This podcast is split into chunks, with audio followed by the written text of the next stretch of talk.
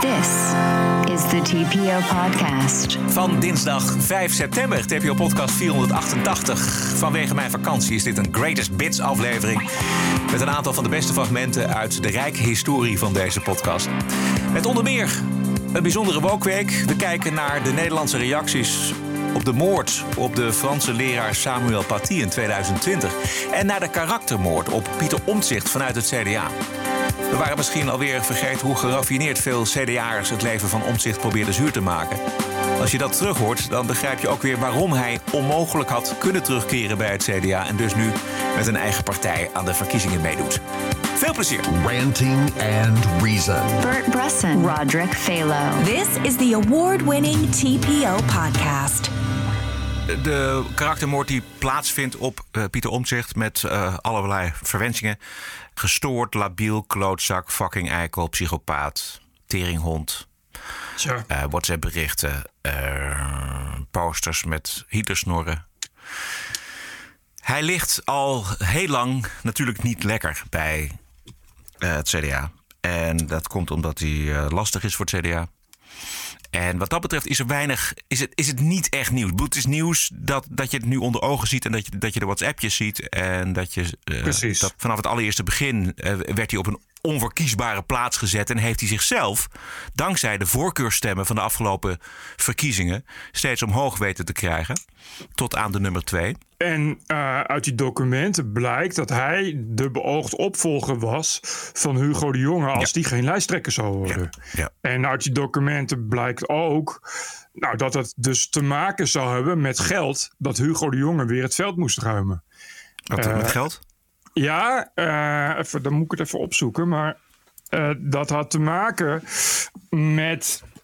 Ik moet even, Ja, zoek jij het even op. Eh, Hugo de Jong is natuurlijk vertrokken op een gegeven moment omdat hij zei de reden was dat de COVID-pandemie hem boven het hoofd groeide. Althans, de combinatie partijleiderschap en eh, minister van Volksgezondheid, dat was allemaal eh, heel moeilijk en onmogelijk. Daar konden wij ons allemaal iets bij voorstellen. Toch kwam het, het vertrek op een nogal onverwacht moment. Ik zal het even voorlezen uit het document. Ja.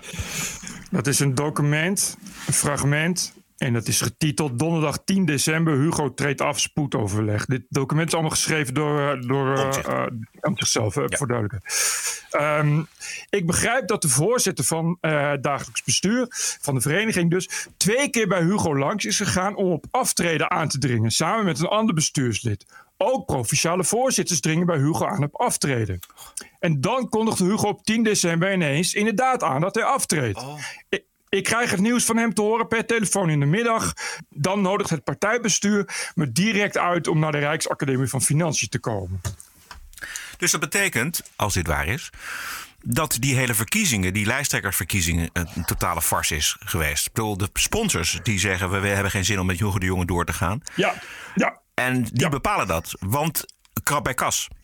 Ja, en dan het staat er in die documenten ook nog eh, dat die verkiezing, dat, ja, dat die omzicht dus nogal regelmatig te horen kreeg van hé, hey, ik heb op jou gestemd, maar ik kreeg een uitslag dat ik op iemand anders had gestemd.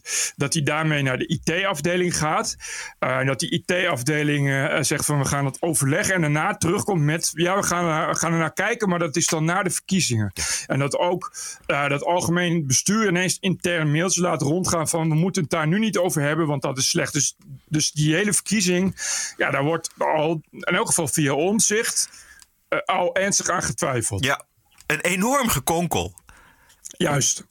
Dus hoe dan ook, wat ook van waar, is het sowieso duidelijk dat er echt een enorm gekonker is. Wat natuurlijk al iedereen al wist. Maar nu geeft Hugo daar nog eens een keer ook bijlagen bij. En vertelt dus van. Inside, uh, omzicht, vertelt dus van Inside wat er allemaal gaande is. Ja. En op een of andere manier wordt er ook gedoogd hoe hij wordt bejegend in die partij. Als je kijkt naar die WhatsAppjes en wat er allemaal Kennelijk. op het partijbureau in de war room allemaal aan posters wordt eh, gemanipuleerd eh, met, met Hitlersnorren en zo. Dat is Ja. eigenlijk, je krijgt het idee van dat wordt getolereerd. Nou ja, die eh, houding ten hij- opzichte van, van de lastpak omzicht wordt getolereerd door mensen hoger in het CDA. En, want dat komt ze namelijk beter uit. Want omzicht is een exact. lastpak. Exact. ik begrijp ook van, uh, van bronnen dat uh, hoe Omtzigt er nu aan toe is niet al te best. Uh, en hij zegt ook dat hij zich nu ja, eigenlijk nergens veilig voelt. En dat zegt hij ook al in die documenten, dat hij zich steeds minder veilig voelt binnen het CDA. Waarmee hij niet bedoelt dat hij bang is dat hij wordt neergeschoten of zo, maar wel dat hij, ja, gewoon niet meer, niet meer kan zeggen wat hij wil en kan opereren zoals hij wil. En uh, uh, wat ik ervan begrijp, is dat hij nu ook al echt inderdaad even niet meer veel zin heeft om zomaar de deur uit te gaan. Ja. Oh, dat, dat zegt iets over zijn eigen angst. En dat heeft niet zoveel, over niet zoveel te maken te hebben met de werkelijkheid. Maar dat geeft al een beetje aan. Dus hoe, ja, hoe, dat, dus, hoe dat dus daar speelt. Ja. Bert Brussen, Roderick Balo. Ranting and Reason. This is the TPO podcast. De Tweede Kamer uh, over de cartoons en de vrije meningsuiting. En een petitie die al meer dan 100.000 keer is ondertekend. En waarin gevraagd wordt cartoons over de islam strafbaar te stellen. Jazeker. Fractievoorzitter Azarkan van Denk uh, sympathiseert met die petitie, kunnen we toch wel zeggen. De Kamer uh, trekt dat, godzijdank, helemaal niet. Om te beginnen, Bram van Ooyek van GroenLinks. Toch even rond die petitie, want dat begint een soort eigen leven te leiden. Ik las dat ook al elders, dat het punt zou zijn de petitie. De, de, het punt is dat, dat vlak nadat er een leraar is vermoord... omdat er gezegd is dat hij de profeet heeft beledigd... daar gaat namelijk die petitie over... er een petitie komt die het niet opneemt voor de docent... maar die zegt, zullen we het beledigen van de profeet niet strafbaar maken? Da, dat is het probleem. Niet het feit dat er een petitie wordt uh, opgesteld, uh, nog los van de timing. Dus ik, ik maak een beetje bezwaar tegen dat het nu zou gaan van... ja, als, als vanuit de moslimgemeenschap een petitie wordt opgesteld... dan is het weer niet goed. Het gaat natuurlijk om de inhoud van die petitie. En ik zou de heer Azarkan willen vragen om dat onder ogen te zien... en als hij er iets over wil zeggen, daar iets over te zeggen. De heer Azarkan. Ja, voorzitter, ik heb aangegeven dat het gevoel is... en dat merk ik hier ook dat als deze groep op een ongelukkige manier... waarbij ze overigens in de eerste zin zeggen... wij veroordelen met klem alle geweld. Dat was volgens mij de eerste zin van die petitie. Ook dat hebben 120.000 mensen getekend. Mijn vraag aan hem is, laten we het over de inhoud hebben. Er wordt iets in die petitie gevraagd. De reden dat het in, uh, zeer breed als onsmakelijk werd ervaren... of als slechte timing, of welk woord je er ook voor gebruikt... heeft natuurlijk te maken met de combinatie... niet dat het een petitie is, maar dat er iets heel specifieks in die petitie wordt gevraagd. Twee dagen nadat er een leraar precies om die reden is uh, uh, onthoofd. Onthoofd. En dan vraag ik, oké, laten we het dan over de inhoud hebben.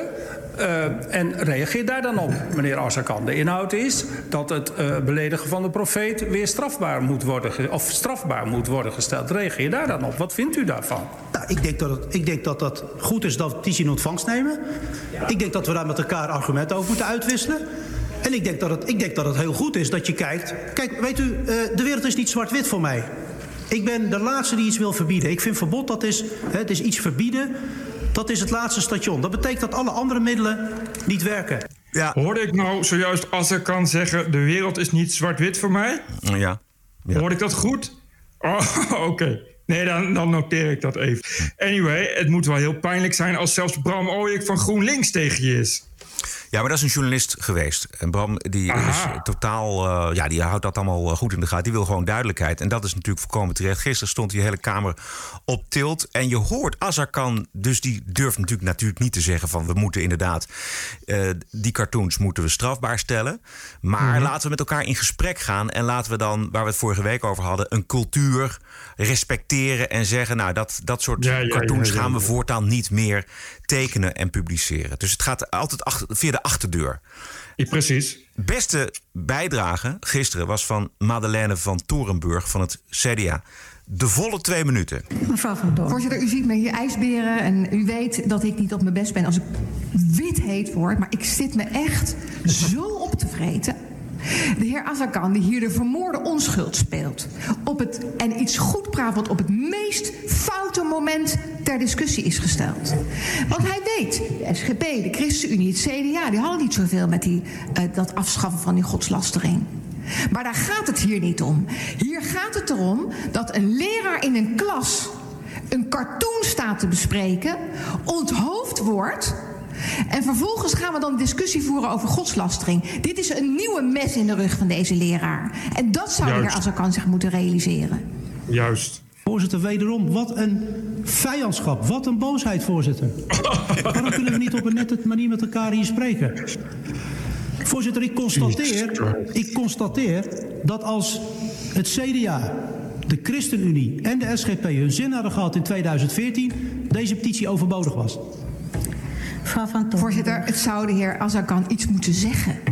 Het zou iets moeten zeggen dat wij wisten wanneer we onze mond moesten houden over dit thema. Ja, ik- dat ik was nu. mond als u dat het zegt. was nu toen er een tijd- leraar was onthoofd. De tijd dat partijen Toen- hier bepalen dat ik mijn mond hou. Ik was aan het woord. bepaalt niet wanneer ik mijn mond hou. Nee, meneer Azarkan eh, en mevrouw van Torenburg. Zij was aan het woord en u krijgt de gelegenheid om daarop te reageren. Mevrouw van Torenburg. Dit was het slechtste moment. Het allerslechtste moment om deze petitie te starten.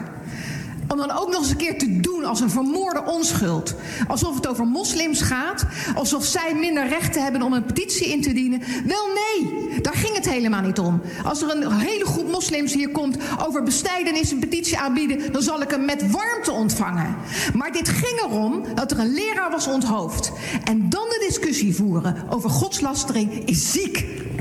Ja, wat moet ik er nog iets aan toevoegen? Nee, nee, ik bedoel, Madeleine heeft helemaal volkomen 100% gelijk. Het is echt die gleeuwerige, giftige manier waarop die Azarkan, zoals het helemaal hoort bij Denk, elke keer weer via achterdeurtjes en Trojaanse paarden probeert weer iets giftigs te planten. Het is echt onwaarschijnlijk zoals hij dat doet. Maar het zijn ook die ondertekenaars, Bert, van die petitie. Want het is inderdaad die onvoorstelbare Tuurlijk. brutaliteit om te beginnen over het wettelijk verbieden van cartoons. Terwijl er GVD mensen worden vermoord omdat ze cartoons laten zien. Die brutaliteit, die weerzinwekkende houding van die 120.000 ondertekenaars. Waar wedden ook een hoop GroenLinks niet-moslims tussen zitten.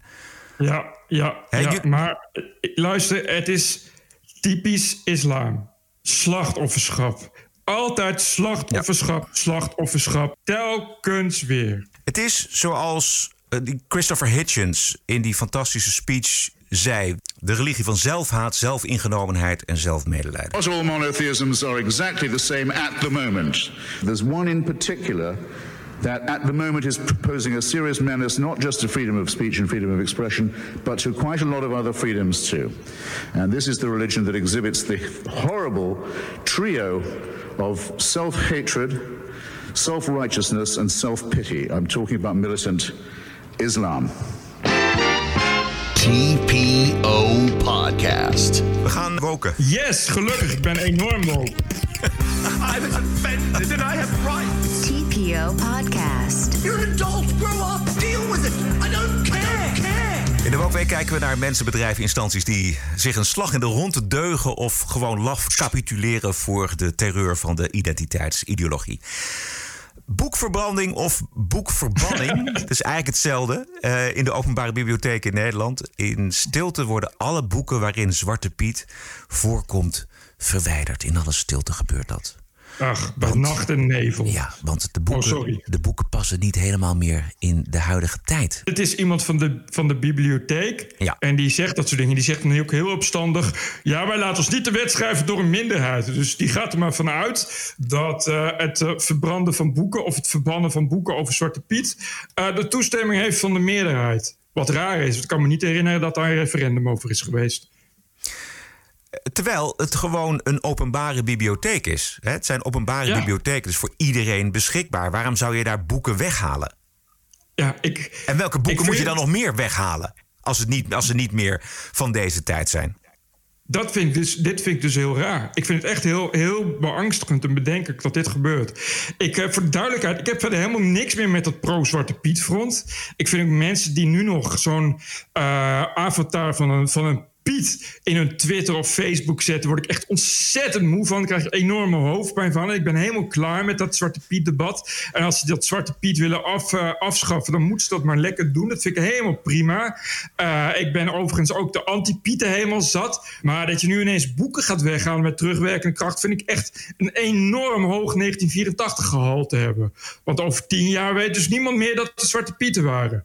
Wat verder ook prima is, maar je kunt je afvragen waarom. En of misschien kennelijk een of andere geschiedenis moet worden uitgegumd. En dat vind ik een beetje vreemd. Maar dat is de ergernis. En dat is natuurlijk ook uh, waar die pro-Zwarte Pieten beweging wel een punt heeft. Dat dit is natuurlijk een onderdeel, wat er nu gebeurt in de Nederlandse Openbare Bibliotheek, is een onderdeel van het uitgummen van dat Sinterklaasfeest. Er zit een enorme drang tot vernietiging achter. En dat stuit een heel veel mensen tegen het borst. En dat kan ik me heel goed begrijpen. En dit is, dit is gewoon weer de volgende stap. Ja, en de volgende stap is natuurlijk dat we boeken over de Gouden Eeuw gaan verwijderen. Ja, precies. Of, uh, ja, exact. Maar dit, dat is, dat is de waanzin, is dat. Bovendien van de geschiedenis moet je gewoon afblijven. En ik vind, kijk, dat Amazon dat doet of dat Bol.com dat doet, daarvan kun je nog zeggen: oké, maar dat is een particuliere winkel. Ja. dat zijn, ik bedoel niet dat dat leuk is, maar ja, dat is een beetje het, het probleem dat we nu met z'n allen verslaafd zijn aan dat soort, dat soort handelaren. Uh, dat is wat anders dan, dan, dan dat een openbare bibliotheek dat doet. Van de openbare bibliotheek mag je verwachten dat ze heel erg zorgvuldig met de, de vrijheid van drukpers en de vrijheid van meningsuiting en dus ook het nationale erfgoed, zoals dat staat gedrukt, omgaan. En dat zo'n bibliotheek, en ik weet niet of dit alle bibliotheken ja. waren, of dit, dit een, dat dan die bibliotheek dan zegt van ja, we gaan ons niet laten betalen, bepalen door een minderheid, we bepalen dat zelf, vind ik een beetje raar. Volgens mij is dat een bibliotheek van iedereen en niet alleen van de bibliotheek die daar werkt. Precies. Van de man die daar werkt. Ja, ze doen het gewoon uit zichzelf. Het is de inquisitie vanuit, vanuit zichzelf. Ja, en dat is dus, dus behoorlijk eng. Ja, het is heel eng. Je weet dit betekent dus dat de bibliotheek uit zichzelf kan bepalen wat, wat goed en niet goed is. En dat is natuurlijk wel een heel snel een, eh, een helling waar je als een sneeuwbal in volle vaart vanaf gaat ja, rijden. Ja, precies. Gaan af, eh, gaat glijden, want de volgende stap is dus inderdaad Gouden Eeuw. Of slavernij, of alle boeken waarin het woord slaaf staat in plaats van het woord tot slaaf gemaakt, moeten ook weg. Ja. En alle boeken waarin blank staat in plaats van wit, moeten ook weg. Ja. En zo kunnen we nog wel eens even doorgaan. En dat kan dan wel heel snel gaan. En dan houden we straks wel een hele dunne bibliotheek over, vrees ik. Alleen het probleem is natuurlijk dat je dan kunt afvragen hoe dat zit met je nationale erfgoed. Want waar kunnen we over tien jaar dat dan nog terugvinden? Nergens. Nee, maar ik, ik vind het zo bloedirritant. Ik zie dat weer helemaal voor me. Dat is een vergadering van openbare bibliotheek. En daar wordt dan iemand zegt dan: kan het nog wel eigenlijk boeken met Zwarte Piet? En dan is er een, die deken van politieke correctheid over die vergadertafel. En dan zegt iemand: nee, laten we, laten we ze weghalen. En laten we dat niet aan de grote klok hangen. Want dit was een, namelijk een verhaal van het Algemeen Dagblad. Laten we dat niet aan de grote klok hangen. Lekker stiekem. Lekker stiekem, weg. Dat haalt namelijk bij mij het bloed onder mijn nagels vandaan. Want de volgende stap is inderdaad we hebben het al gezegd. Maar daar, kun je ook schrijvers op een gegeven moment zeggen van... nou, wat moeten we eigenlijk met W.F. Hermans? Wat was het eigenlijk voor een reactionaire Juist. schrijver of een reven? En die moet, moeten we die niet weghalen. Nee, Als... is nu, nu ook al hè, weer een debat over Mulis op de een of andere manier. Nu krijg je ineens allemaal vrouwen die zeggen... ja, was seksist. Dat ja, was la ja. laatste week de hele in het nieuws. Mensen, ja, over de grote drie, hè, dat is dus Reven, Hermans en Mulis. En zo, ja, uh, moeten we dat nog wel hebben? Hoezo de grote drie? En wat, uh, wat moeten we Mulis is eigenlijk een kutschrijver. En uh, nou, het ging alleen maar over vrouwen, over seksisme. Moeten we die nog wel de grote één noemen? Dan weet je, ja, dat gaat straks ook uit de bibliotheek. Want ja, kan niet, hè, seksisme. Maar je weet ook wel wat voor mensen dat zijn hè, bij de bibliotheek. Dat zijn blanke babyboomers. Iedereen weet dat. Goed, ander dingetje. Uh, in een park in Londen staat een prachtig beeld van een Engelse schrijfster en feministe, Mary Wollstonecraft. Ze, ze leefde in de 18e eeuw en van haar hand is de, het eerste feministische pamflet uit de Britse geschiedenis, namelijk A Vindication of the Rights of Women. Het beeld is een rotspartij waaruit een hele mooie kleine vrouw tevoorschijn komt. En het beeld is ook gemaakt door een vrouw. Maar je begrijpt het al, het beeld deugt niet. It's a tiny figurine causing a lot of controversy. A statue unveiled in London honoring the feminist pioneer Mary Wollstonecraft has become the target of critics and activists, and protesters have attempted to cover its naked form with t-shirts and black tape. The issue is its design. Cast in silvered bronze, the sculpture shows a small naked female figure with a conventionally beautiful physique rising out of a much, much larger and abstract base. It was made by British artist Maggie Hambling, but it's angered some feminists and other critics who say the nudity draws attention to the female body instead of honouring the 18th century intellectual's achievements and influence. A key Oh, theme in the backlash was that men commemorated with monuments are usually fully clothed. Dus het argument is ook de statue van mannen ja, mannen zijn allemaal gekleed. Maar eh, deze vrouw is dan naakt. Ja, dat is, mag niet. Dat mag niet. Nou, dat mag wel. Maar dit is natuurlijk een, een te mooie vrouw. Met een te perfect exact. lichaam. Ja, dat mag ja, niet. ja, het is- het is dat prachtig. mag niet, want eh, mooie en perfect en succesvolle mensen... dat is niet de bedoeling. Nee. Dat leidt alleen maar af naar, van haar Ja. intellectuele capaciteiten en wat ze allemaal gedaan Ja. heeft. Wat mij nou. Het, het aller, wat ik nou zo bloedirritant vind, is dat het weer een klein clubje is. Weet je wel, het zijn vijf, zes, misschien tien vrouwen die zeggen: Dit vinden we niks. Die gaan een actie eh, organiseren. En dan eh, krijgen ze het volgens mij nog voor elkaar om dat beeld aan te passen ook. Natuurlijk. Tuurlijk, want tien mensen die op Twitter drammen... is natuurlijk genoeg om te bukken. Precies, dat is de terreur. Dit kun je toch niet serieus nemen? Jij zag dat het bestuur van de Disney Corporation beloofd heeft dat Oh, tenminste nou. 50% van alle karakters in films en andere producties LGBTQ of raciale minderheden zullen zijn. Ja. Carrie Burke eh, heet ze, de president van Disney's General Entertainment Content. En eh, zij is ook moeder van een transgender en van een transseksueel. En Ja. zij zegt het zo. I'm, I'm here as a mother of, of two queer children, actually. Um, uh, one transgender child um, um, and one pansexual child. Um, And, Pansexual. and also as a leader.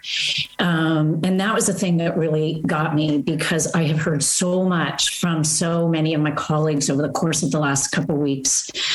We have many, many, many LGBTQIA characters in our stories, and and and yet we don't have enough leads. Ja, dus dit is het probleem.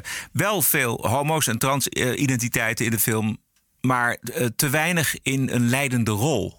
En de tucht van de gelijkheid vereist gelijkheid. Meer trans- en queer-identiteiten in de film. Bij Disney. Bij Disney. Ik bedoel, je, het is wel, dat is toch al dat we het even weten waar dit over gaat. Dat het, dat het dus niet gaat over, over eh, laten we zeggen, een groot advocatenkantoor of, of een regering of een leger. Nee, het gaat over iets dat bekend is geworden door tekenfilms. Over dingen voor kinderen. Ja, ze maken meer dan tekenfilms nu, maar goed. Ja. Nou ja, maar Disney. Weet je, again, Disney. Come on. Ja. Ik las ook nog De dat, helft. Dat, ja, dat zij de woorden dames en heren en jongens en meisjes gaan Ja. elimineren, schrappen uit de themaparken. Ja. Dat zegt eh, Vivian Ware, manager diversity and inclusion bij Disney. Heel belangrijk. Jezus jongen, wat zijn ze toch? Wat, het, het is, kwamen heel veel kinderen kwamen huilend terug van Disney, van, van, van Disney World. Het zeiden, was Mickey er niet? Wat was Donald Duck ziek of zo? De hele tijd werden we meisjes en jongens genoemd. Je nooit, niemand, ooit. Dit Hou is, op. Het is de hel van de virtual signaling. Mes snijdt aan, aan beide kanten en het gaat zo hard. En het gaat om zo'n klein minuscuul minderheidsgroepje... waarnaar geluisterd wordt en waar alles zich aan moet passen. En ik denk dat eh, Walt Disney zelf, oude Walt, Ja, die Walt, oude ja. antisemiet was. Is. Oh ja, was hij antisemitisch? Ja, niet, niet zo'n beetje ook. En maar eh, dat die het zich omdraait in zijn graf. Maar ook zo'n vrouw die dan die zegt: Ja, nee, maar ik heb zelf de, twee kinderen. En de een is transgender en de ander panseksueel. Ja. Ik denk van dit is toch het moment waarop je zeg maar, eh, met de hele raad van bestuur moet opstaan. En glimlachend moet, uh, gniffelend moet weglopen. Wat heeft het er nou mee te maken, mens? Je leidt een bedrijf. Ja, ja. Kom je aan met je eigen kinderen. Van, en waarvan iedereen al eh, kan aanvoelen dat het waarschijnlijk ook wel een beetje mee heeft te maken hoe moeder zelf dat eh, opvat en dat aan haar kinderen voedt. Panseksueel. Is, bedoel, was het panseksueel? Ik hoorde transseksueel. maar Nee, de, de ene is transseksueel, de ander is panseksueel. Hè, wat natuurlijk Wat een dat? beetje. Ja, ex, precies. ik zoek even op wat Dat panseksueel is, Oh, jij dat is dat je mannen en vrouwen op mannen en vrouwen valt. Maar dat je ook niet vast wil zitten aan een relatie. Dat is allemaal heel erg, heel erg postmodern. Heel modern gelul voor mensen die heel veel verdienen. En dat En een, kind weet dat. Ja, nee dus. Maar die kind weet dat omdat moeder de hele Oh, tijd ja. over zeurt. Oh my god. In het Daily Mail een studie naar de verhalen rond het monster van Loch Ness. En de conclusie is: het monster van Loch Ness is anti-Schots. Dinsdag Oh. bij GB News. This is such a ridiculous story. Um, there's been a 17 page social studies lesson plan done for Scottish teachers because now Scottish pupils are going to be taught that the Loch Ness Monster is anti Scottish. Anti Scottish? Yes, and the legend was a creation of the British class system that portrayed Scotland as primitive. Dus het, ja, het, het idee van Loch Ness is eh, bedacht, of al, degene die er als eerste mee kwam, was een hooggeplaatste Engelsman. En hij deed het voorkomen alsof die Schotten daarin geloofden. Dat dat een monster was wat niet bestond, maar de Schotten Ja. geloofden erin. En de Schotten waren dus primitief. En op die manier maakte hij een onderscheid tussen de Engelsen en de Schotten. En dus, eh, eh, nou je hoort het net, eh, is er een studie geweest. 17 pagina's met conclusies. waaruit blijkt dat het monster van Loch Ness anti-Schots is. Ja, dus, dus omdat iemand dat ooit. Of eigenlijk ook niet heeft gezegd, maar omdat je dat eruit kunnen halen, daarom is het monster van Loch Ness nu een racist, begrijp ik. Ja, ja, precies. Want hij brengt- succes. Ja, hij brengt persoonlijk brengt hij de maatschappelijke positie van de Schotten in discrediet, laat me het zo zeggen. Is met die schotten gebeurd in eh, een korte tijd. De Schotten voelen zich natuurlijk minder waardig. Natuurlijk omdat ze, dat het ook wordt gevoed, weet je wel. De Schotten hebben natuurlijk in de tijd die grote slag verloren. Eh, zo zijn bij Groot-Brittannië eh, getrokken, waar de Engelsen de dienst uitmaken. Ja, die voelen zich ook achtergesteld. Ze zijn zo woke als de neten. Ja. Terwijl, eh, ik, bij, ik dacht bij Schotten altijd aan Mel Gibson en zo. Een Braveheart, weet je wel. Nog liever je eh, laten martelen dan de vrijheid opgeven. Maar het is... eh, het komt tegenwoordig allemaal uit Schotland, maar begrijp ik zo'n beetje. Het is echt eh, scholen waarin je, waarin je überhaupt niet eens mag denken aan mannen en vrouwen. begint in Schotland. Nou, dit was dan de Woke Week. What a woke week it was. This is the TPO podcast. Ik heb nog een bonusquote, Bert. Oh, nou, ik, dan Of had je kan nog wat anders? Of had je nog Nee, even niets, niets bijzonders. Maar eh, onze luisteraars nu hebben allemaal een lidmaatschap bij Petje Af. Dat komt mooi uit, want je kunt er dus ook eindelijk onze TPO-podcast luisteren via Spotify. Juist. Super fijn is dat. Kun je dat uitleggen hoe dat werkt? Je gaat dan normaal eh, ga je bij het tapje rechtsboven exclusief. En daar kun je dan, als je daarop klikt en, en je bent lid, dan kom je daar automatisch binnen. En dan kun je, krijg je allemaal knopjes met aan welke eh, app je de podcast wilt koppelen. En daar staat nu ook Spotify bij. Dus hoe je normaal je podcast eh, hebt gekoppeld, dat kan dus nu via Spotify. En dat is eh, volgens mij iets wat populair is. Omdat je toch heel veel mensen daar hebben over geklaagd. En ook wel mensen die hun abonnement weer hebben opgezegd, omdat het niet via Spotify kon. Maar nu kan dat. eh, dus je kunt nu weer lekker via Spotify kun je alle afleveringen, oh, zowel op de dinsdag als op de vrijdag van TPO Podcast, kun je luisteren. Precies. Roep maar de mensen terug die hun abonnement al hebben opgezet om die reden. En sowieso eh, roep iedereen om zich te melden. Geweldig. Ja. Goed, dan de bonusquote. Eh, Die is op deze 31ste maart van de Amerikaanse radiohost Michael Savage. Ik ontdekte hem in San Francisco jaren terug. Bleef luisteren, vroeger iets meer dan tegenwoordig. Maar hij leeft nog steeds en hij is vandaag 80 geworden. Unlike other shows, The Savage Nation is, a, is an ongoing serial. It's one long serial. You know, like The Lone Ranger rides again. Boys and girls come back to this theater tomorrow for another serial. That's what I do because it's my life and my view of the world. It's one man's opinion, is all it is. Nobody writes my script. I live it, I eat it, I breathe it, I think it. I'm an American. This is what I'm going through. But at the same time that I'm uh, interested in politics, I'm living a life. So I inject the real life 101 into the political view, and then you have to decide whether you like me and whether you want to listen to me and whether you agree with me or disagree with me. That's all. Ja, zo simpel is het. Heel goed. Zo is het, Savage. Zo is, Zo is het, precies. Elke dinsdag en vrijdag online via je favoriete kanalen. Dit was vanwege vakantie een speciale Greatest Bits aflevering. Vrijdag zijn we er weer helemaal actueel. Ben je nog geen vrijdag abonnee? Ga dan naar tpopodcast.nl. Dan kom je vanzelf op onze Petje Af pagina en kun je kiezen welk abonnement je wilt. Je hebt in ieder geval toegang tot alle vrijdagshows. Het is bijna voor niks.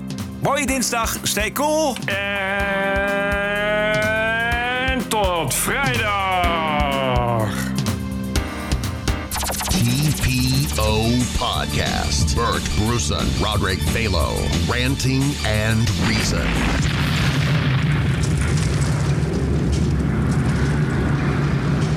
podcasting is the TPO podcast in the Netherlands. Bert and Roderick. What a show. I'm telling you.